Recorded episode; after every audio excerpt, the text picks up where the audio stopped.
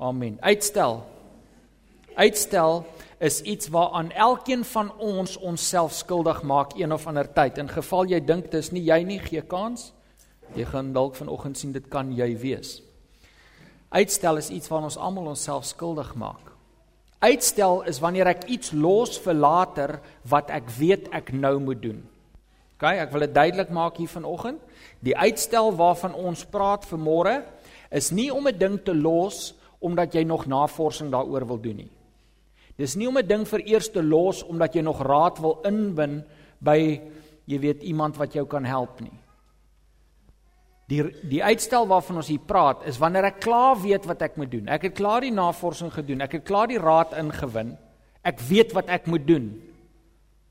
Maar nou kom ek met redes vorendag wat eintlik maar net verskonings is vir hoekom ek dit nie nou hoef te doen nie. Ek vertel myself ek gaan dit doen. Ek gaan dit net nie nou doen nie en hierdie is hoekom. En dan is dit eintlik nie 'n geldige rede nie, dis maar net 'n verskoning. OK, so ons bevorder nou nie impulsiewe besluite nie. Die eerste keer dat 'n gedagte in jou kop kom, wil ons nou nie hê jy moet gaan optree nie. Doen navorsing, win raad in. Dis goddelik om goed te beplan.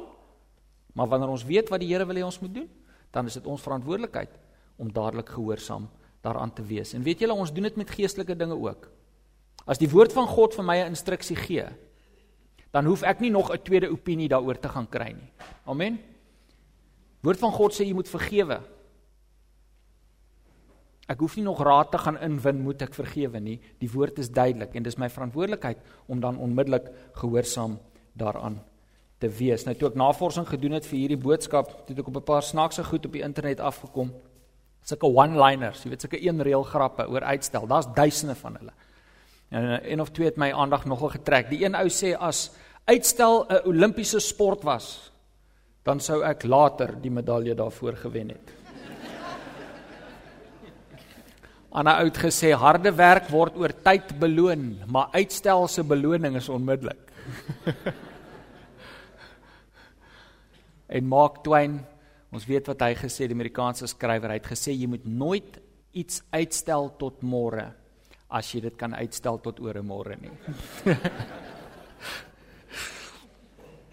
Nou weet julle daar's baie humoristiese dinge wat ons kan sê oor uitstel en soos ek sê daar's duisende van die goed, jy weet, ehm um, op die internet. Maar die realiteit is dat die gevolge van uitstel amper altyd negatief is. Uitstel is nie 'n grap nie.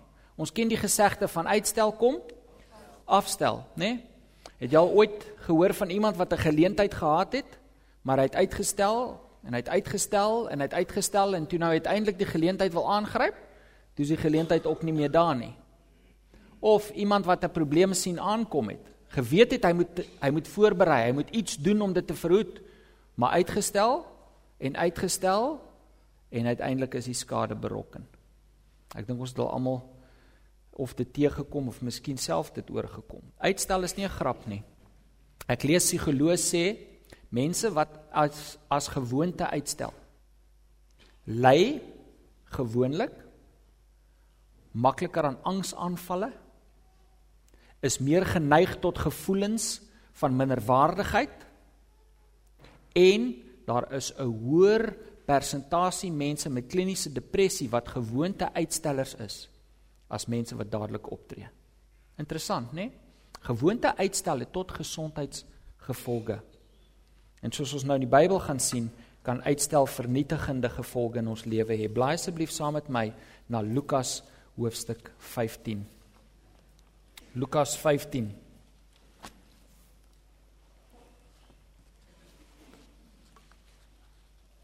Toe ons toe ek op Bybelskool was, het ons een lektor gehad. Elke nou en dan as ons blaai na 'n Bybelverhaal toe, dan sal hy vir ons sê: "Kom studente, kom ons lees dit asof dit waar is."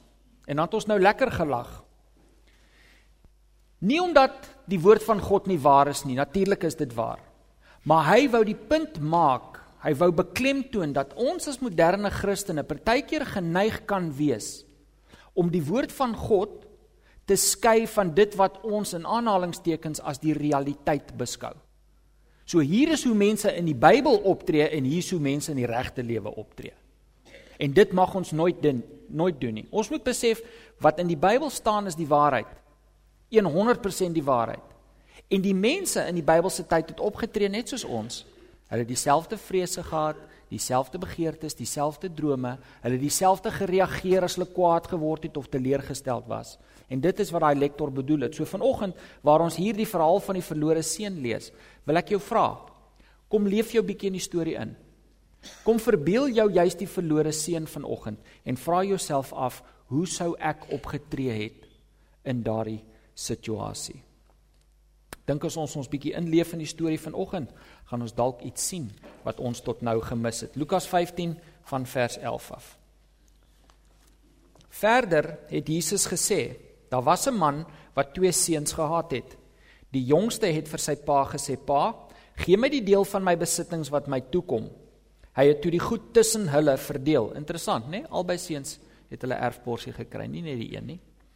Hy het toe die goed tussen hulle verdeel. Nie lank daarna nie het die jongste seun alles tot geld gemaak en van die ouer huis af na 'n ver land toe vertrek.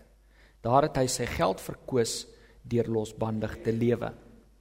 Ek wil hê ons moet sien. Hy het nie een Vrydag aand 'n partytjie gegooi, sy begroting oorskry en toe sit hy plat sak nie. Hierdie is 'n leefstyl wat hy gevolg het. Hier het tyd verloop. Hy het oor 'n kwessie van tyd sy geld verkoos. OK? sy lewenstyl wat hy gevolg het. Vers 14. Nadat hy alles deurgebring het, het daar 'n kwaai hongersnood in daardie land gekom en ook hy het begin gebrek ly. Weereens, daar het tyd verloop. 'n Hongersnood kom nie op 'n Dinsdagmiddag nie. Dit vat maande, dalk selfs jare.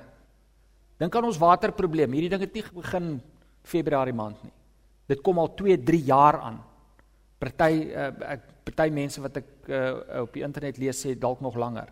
Dis 'n ding wat oor tyd kom. So die hongersnood kom oor tyd. Hier het definitief maande, dalk selfs jare verloop vir hierdie man. Vers 15. Hy het toe sommer by een van die mense van daardie land gaan bly en dit hom na sy plaas toe gestuur om varke op te pas. Daar het hy gewens hy kon sy honger stil met die pele wat die varke eet, maar niemand het hom daarvan gegee nie. Toe kom hy tot inkeer en hy sê my pa het wie weet hoeveel dagloners en hulle het almal oor genoeg kos en hier vergaan ek van die honger. Ek sal dadelik na my pa toe teruggaan en vir hom sê pa, ek het teen God en teen pa gesondig. Net tot daar. Hier het tyd verloop. En oor 'n verloop van tyd het die verlore seun gegaan van 'n plek waar hy geld gehad het om te blaas tot waar hierdie goed opgevoede Joodse seentjie varke oppas en hulle kos begeer. Hier het tyd verloop, baie tyd. So hierdie verlore seun, nou weer eens, kom verbeel jou jy's die verlore seun. Toe hy gegaan het van styk na hoender, dink jy hy het besef hier's 'n probleem?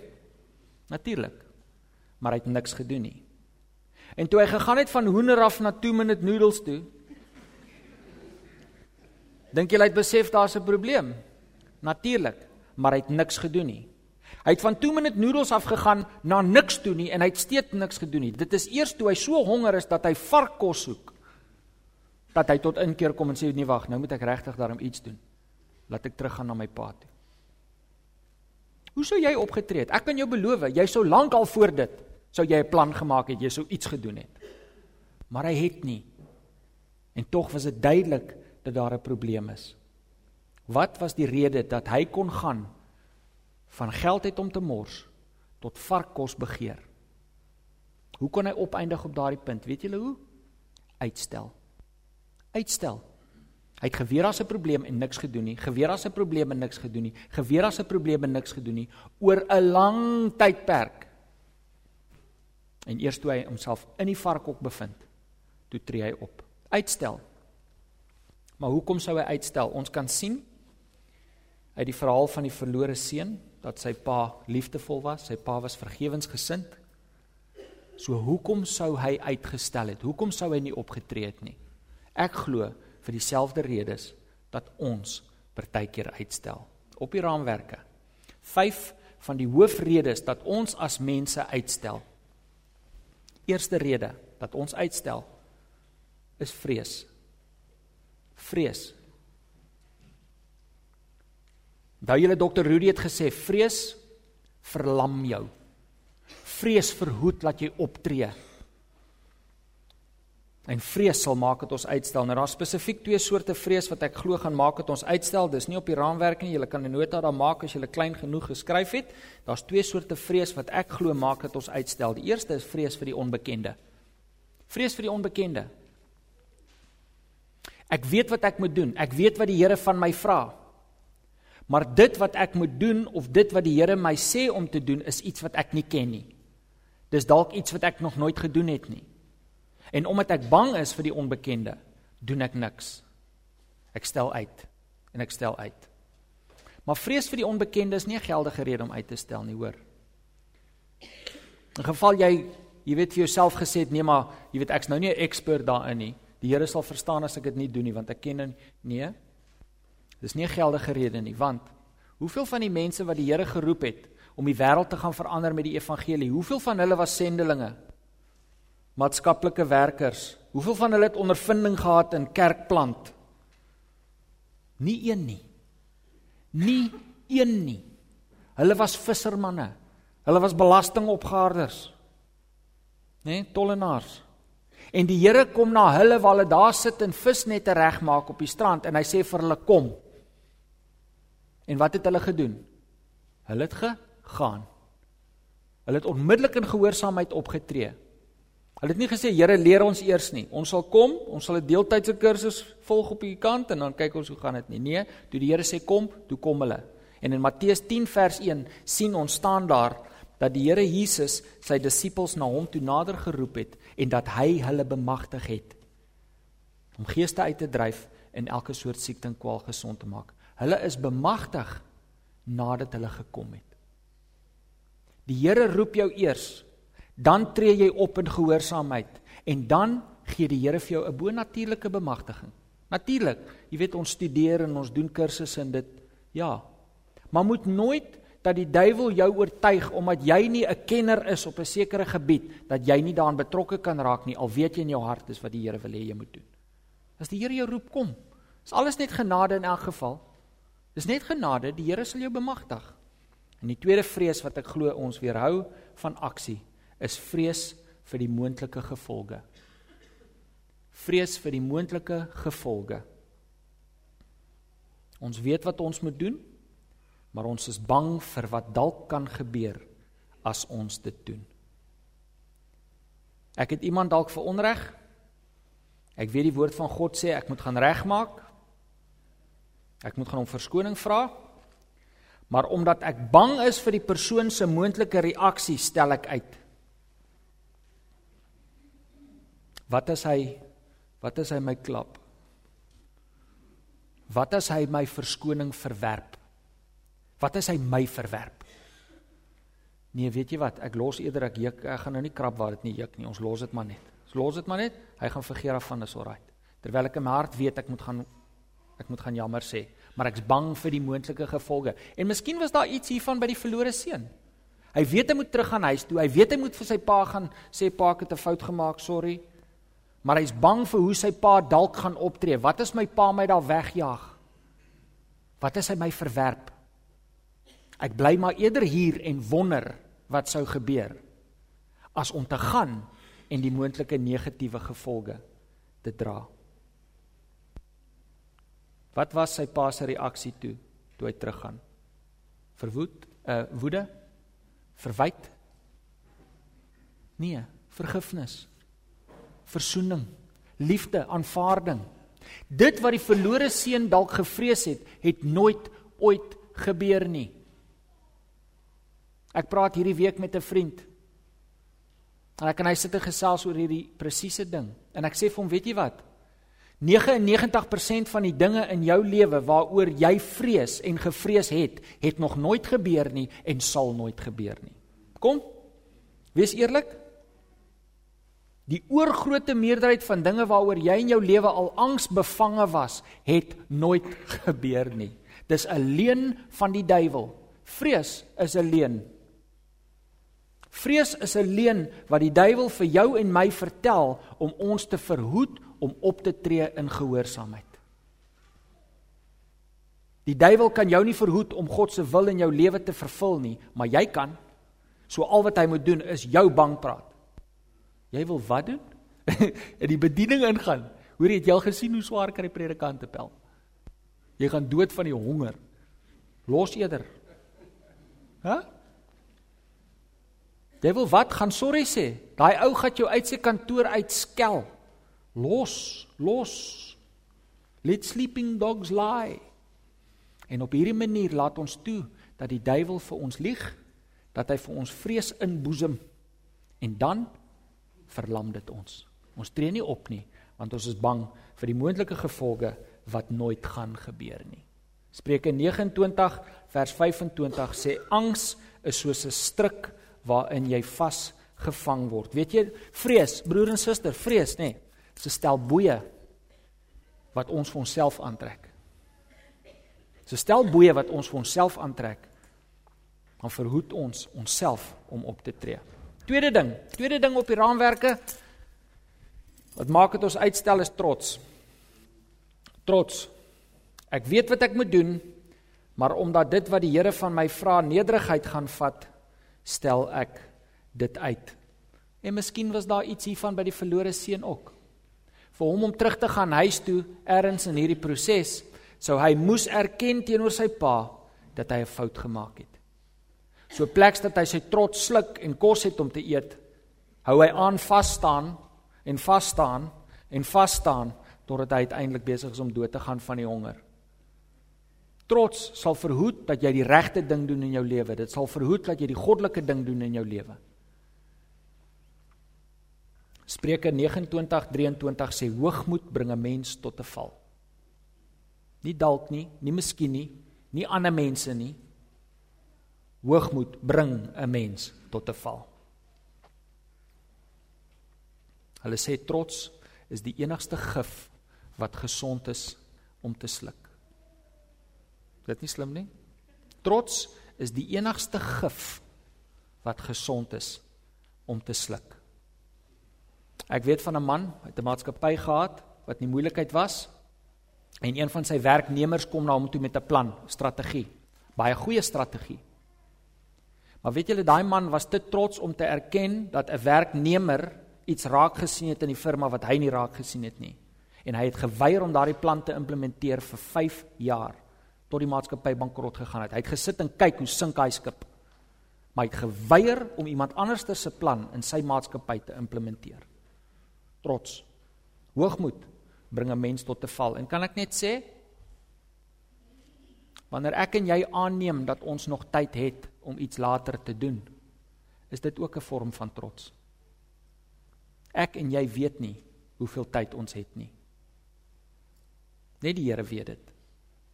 En wanneer ons nederig is voor die Here, sal ons onmiddellik in gehoorsaamheid optree. Weet jy, ek het by 'n man se sterfbed gestaan so 2 jaar terug. En ek dink by myself, hoorie, hierdie hierdie hierdie ou lyk nie goed nie. Hierdie hierdie dinge lyk nie reg nie. Ek kon sien die dokter was ook nie bemoedigend nie. En die gedagte kom by my op, praat met hom oor die Here. Praat met hom oor sy siel. En toe daai gedagte opkom, toe's daar 'n stem wat vir my sê: "Nee man, kom, weet jy, berei eers voor." gaan berei nou 'n paar versies en kry 'n mooi storieetjie en dan kom jy nou, weet jy, kom kom donderdag, dan kom praat jy met hom donderdag. Maar ek het met hom gesels. Prys die Here. Ek het met hom gesels oor sy siel. Ek is daar weg en ek dink hy is die volgende dag of twee dae daarna oorlede. As ek geluister het na daardie stem wat sê jy het nog tyd, dan het ek nooit daai kans gehad om met daai man te praat of aangegryp eerder om met sy siel te praat nie. Ek en jy weet nie hoeveel tyd het ons of die mense om ons nie. As die Here vir jou iets sê om te doen, wees nederig. Wees nederig. Tree op. Dadelik. Nommer 3. Die derde ding wat sal maak dat ons uitstel is luiheid. Haar's 'n mooi ene. Luiheid. Ek weet wat die Here wil hê, maar dit lyk vir my bietjie soos harde werk, so nou stel ek maar uit. Weet julle wie se kamer is die skoonste in 'n universiteitskoshuis. Ja, pappa weet jou kamer skoon dan jy lê. My dogter het haar hand opgesteek. Ek daai pa. Weet julle wie se kamer is die skoonste en die netjiesste in 'n universiteitskoshuis? Né? Nee? Dis die ou wat die volgende dag 'n taak moet inhandig. Hy weet hy moet aan sy taak werk, so nou is dit 'n goeie kans om begin kamer skoon maak, nê? Nee. Ons skoolhoof het altyd gesê 'n lui mens is nie 'n ou wat niks wil doen nie, is net 'n ou wat altyd iets anders wil doen as wat hy moet. Nou, dit het niks met vanoggend se boodskap te doen nie, is net vir interessant. Ek self op skool, as ek geweet het ek het 'n taak, Jesus, dan begin ek in die tuin werk en enige ding doen, laat ek net nie hierdie ding moet doen nie. Nee, luiheid sal maak dit ons uitstel. Luiheid sal maak dit ons uitstel. Spreuke 13 vers 4 sê die luiaard se honger word nie gestil nie. Ander woorde, iemand wat nou regtig lui is, sal eerder niks doen nie en honger gaan as wat hy sal werk, want dit is daarom harde werk. Die probleem daarmee is as jy weet wat die Here wil hê jy moet doen en ek gebruik nou net 'n voorbeeld. As die Here vir jou sê gaan raak betrokke by die Gideons of jy weet meld aan by die diensspan of die koffietafel of word betrokke by 'n kinderhuis of sendingwerk of iets. As jy dit nie doen nie, dan is daar spanning in jou hart. Want jy weet eintlik wat die Here wil hê jy moet doen. Jy voel hierdie trek Maar as jy nie wil werk daaraan nie, gaan jy nooit die bevrediging van daai bediening of werk ook hê nie. 'n Lui mens is 'n onbevredigde mens, hoor? Daar's geen bevrediging in 'n lui lewe nie.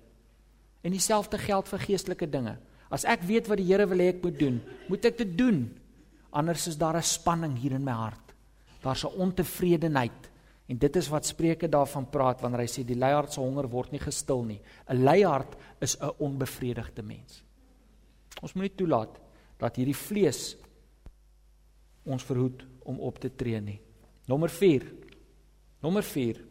Die vierde rede hoekom ons uitstel, ons wag vir beter opsies. Ons wag vir beter opsies. Ek weet wat die Here wil hê ek moet doen, maar ek wil dit nie doen nie. Dit wat die Here vir my gesê het om te doen, ek wil nie dit doen nie. So nou doen ek niks. Want eintlik hoop ek dat ek 'n plan B ergens gaan kry wat ek sal wil doen. Ek het al 'n paar keer in my lewe ervaar ehm um, en jy sal sien beter daar is in aanhalingstekens. Wag vir beter in aanhalingstekens opsies. Ek het al in my lewe 'n paar keer ervaar waar iemand by my kom sit vir berading. Dan begin ek bietjie uitvra en begin bietjie met die persoon gesels, dan kom ek agter hierdie persoon weet presies wat die Here van hom vra. Hy weet presies wat hy moet doen. Hy het dit al by 'n ander predikant of 'n beraader al gehoor. Maar omdat hy dit nie wil doen nie, gaan hy nou van beraader na beraader, na predikant na predikant, na kerk na psigoloog, na broer na ouderling toe en hy hoop iemand gaan vir hom iets anders sê as wat hy eintlik in sy hart weet die Here reeds vir hom gesê het. Hy loop en soek 'n plan B. En dit is 'n groot fout. Nou luister, daar is niks fout daarmee om 'n tweede opinie te kry oor 'n saak nie. Daar's niks fout daarmee om raad in te win by 'n menigte raadgewers nie. Om die waarheid te sê, die woord sê vir ons in Spreuke 11:4 in die veelheid van raadgewers is redding. In die veelheid van raadgewers, as ek 5 wyse mense het, wat vir my raad gee, is die kans dat ek 'n goeie besluit gaan maak tog groter as wanneer ek maar net op my eie besluit maak, né? Nee? So ons moet ons moet opinie inwin, ons moet navorsing doen. Daar's niks daarmee fout nie. Maar as ek reeds in my hart weet wat die Here wil hê ek moet doen, is dit my verantwoordelikheid om dit te doen. Want as ek loop in 'n beter opsie soek, dan gaan ek myself net flous. Die Here se plan vir jou is die beter plan. Al dink jy nie so nie. Al dink jy nie so nie. Matteus 19.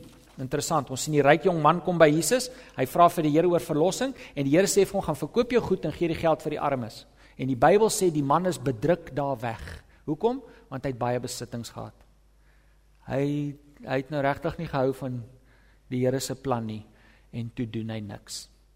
En sover as wat ons kan sien in die woord, is die man daar weg onbevredigd, onvervuld en dalk selfs ongered, nê? Nee? Omdat hy nie die Here se plan wou volg nie. Hy wou nie die Here se instruksie gehoorsaam nie. Ons moenie uitstel omdat ons 'n ander plan soek nie. Ons moet die Here se plan volg. En nommer 5, die vyfde rede hoekom ons uitstel is perfeksionisme. Perfeksionisme. Ek weet wat ek moet doen, maar ek stel uit want dinge moet eers perfek wees volgens 'n stel standaarde wat ek opgestel het voordat ek oorgaan na aksie. Ek het baie onderhoude gevoer met mense vir werk En dan's daar 'n paar standaard vrae wat jy hulle vra. Jy weet, waar sien jy jouself in 5 jaar se tyd? En as jy ou nou baie jonk is, dan kan jy hom nou vra, waar sien jy jouself in 10 jaar se tyd? Noem vir my 'n paar positiewe dinge oor jouself en dan ook noem vir my 'n paar negatiewe dinge oor jouself. Nou as jy daai laaste vraag vra, nê, nee, en jy sit met 'n ou wat al baie onderhoude gedoen het of wat bietjie gecoach is in onderhoude, dan sal hy gewoonlik een van sy negatiewe dinge sal wees ek is te perfeksionisties in my werk. Want dis 'n baie slim manier om 'n negatiewe ding positief te laat klink. Wie wil nou nie 'n perfeksionis hê wat vir jou werk nie? Jy jy soek mos so 'n ou man, nê? Nee? Maar perfeksionisme is nie iets positief nie. Veral nie in die term waarvan ons waarvan in die terme waarvan ons praat vanoggend nie. Kom ek gee julle 'n voorbeeld. Ek weet wat die Here wil hê ek moet doen. Die Here wil hê ek moet aansluit by die orkes. Ek moet na kinders toe gaan en ek moet gaan 'n sangonderhoud doen. Uh jy weet ek uh, of wat moet wees dit 'n wat is dit 'n audition, né? Nee? Die Here wil hê ek moet by die orkes betrokke raak. Maar ek sê vir myself nee, my lewe is heeltemal te besig nou. Sodra hierdie ding wat in my lewe nou aangaan verby is, dan gaan ek gaan. Ek gaan dit doen. Ek gaan dit net nie nou doen nie, want hierdie moet eers in plek wees. My kind moet eers in graad 4 wees, dan moet ek dit gedoen hê en wanneer ek daai salaris verdien en hierdie dan sal ek dit doen. Dan gaan ek dit doen. Ek wil dit mos doen. Of ek het nog hierdie sonde in my lewe. Ek worstel nog met hierdie probleem. Ek het hierdie ding nog nie oorwin nie. Wanneer ek dit oorwin het, kyk, dan gaan ek by 'n Bybelstudie aansluit hoor. Dan gaan ek aansluit. Ek wil gehoorsaam wees aan die Here. Ek moet net eers hierdie ding oorkom. Ek weet ek moet dieper inskakel by die Bybelstudie. Maar laat my lewe net eers 'n bietjie rustig raak.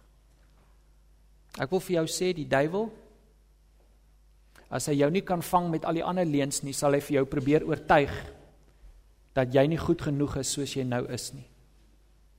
Jy moet beter wees voor jy by die Here kan kom. Ja, die Here roep jou, maar eintlik roep hy jou vir eendag wanneer jy nou perfek is. Jy weet wanneer jy volmaak is. As jy beter is soos daai ou, kyk as jy nou soos daai ou is, dan kan jy gaan. En op daai manier hou hy jou terug en jy doen nie wat die Here wil hê jy moet nie, want jy stel 'n standaard op wat die Here nooit vir jou opgestel het nie. Die Here het nie 'n klomp volmaakte mense geroep en gesê kom nie. Wat het hy gesê? Kom na my toe. Almal wat perfek is. Almal wat klaar hulle probleme uitgesorteer het. Almal wat tyd in hulle lewe het, almal wat kans het. Almal wat gekwalifiseerd is en ervaring het. Kom. Is dit wat die Here gesê het? Presies die teenoorgestelde. Kom. Almal wat moeg is, almal wat oorlaai is, almal wat nog worstel met probleme. Almal wat nie weet waar hulle genoeg ure in 'n dag vandaan gaan kry om te doen wat hulle moet doen nie. Kom ek sal vir julle rus gee. Broer en suster, Petrus het uit die boot geklim op die water. Hy het opgetree in gehoorsaamheid in onmoontlike omstandighede. Daar was 'n storm op die see, die wind het gewaai, die golwe het geswel en in daardie storm het die Here Jesus hom geroep en gesê Petrus kom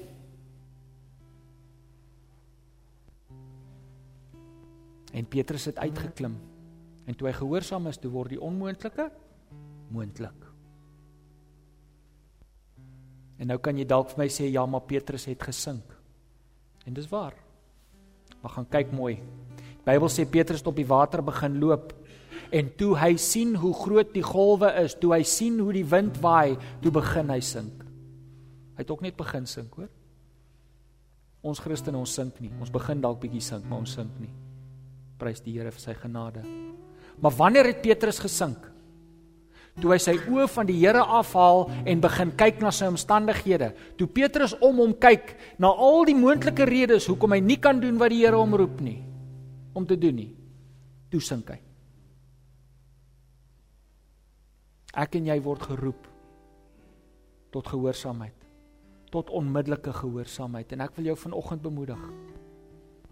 Moenie laat die duiwel vir jou 'n klomp leuns vertel nie. Moenie laat die duiwel jou oortuig jy moet eers verbeter voor jy vir die Here kan werk nie. Moenie laat die duiwel jou oortuig van al die negatiewe dinge wat gaan gebeur as jy aan die Here gehoorsaam is nie. As jy vanoggend hier sit en jy weet in jou hart wat die Here jou vra om te doen, wil ek jou bemoedig. Doen dit. Tree op. Klim uit daardie boot. Daar's net angs en vrees in daardie boot. Daar's net onsekerheid in daardie boot. Daar's net trots in daardie boot. Klim uit en sien hoe die Here die onmoontlike moontlik maak in jou lewe. Amen. Amen. Kom ons sluit ons oë. Here Jesus, dankie vir u wonderbaarlike genade. Wat ons nie verdien, Here, maar tog so mildelik uit u hand ontvang. Ek dank U Here vir U roepstem wat vir ons sê kom. En ek vra dat U deur die Gees ons sal bemoedig dat ons die moed sal hê, Here. Die durf sal hê om uit die boot te klim en te sê ja, Here. Hier is ek. Nie meer uitstel nie. Maar van nou af gehoorsaamheid. Ons loof en ons prys U vir die liefde en genade. Amen. Amen. Kom ons staan.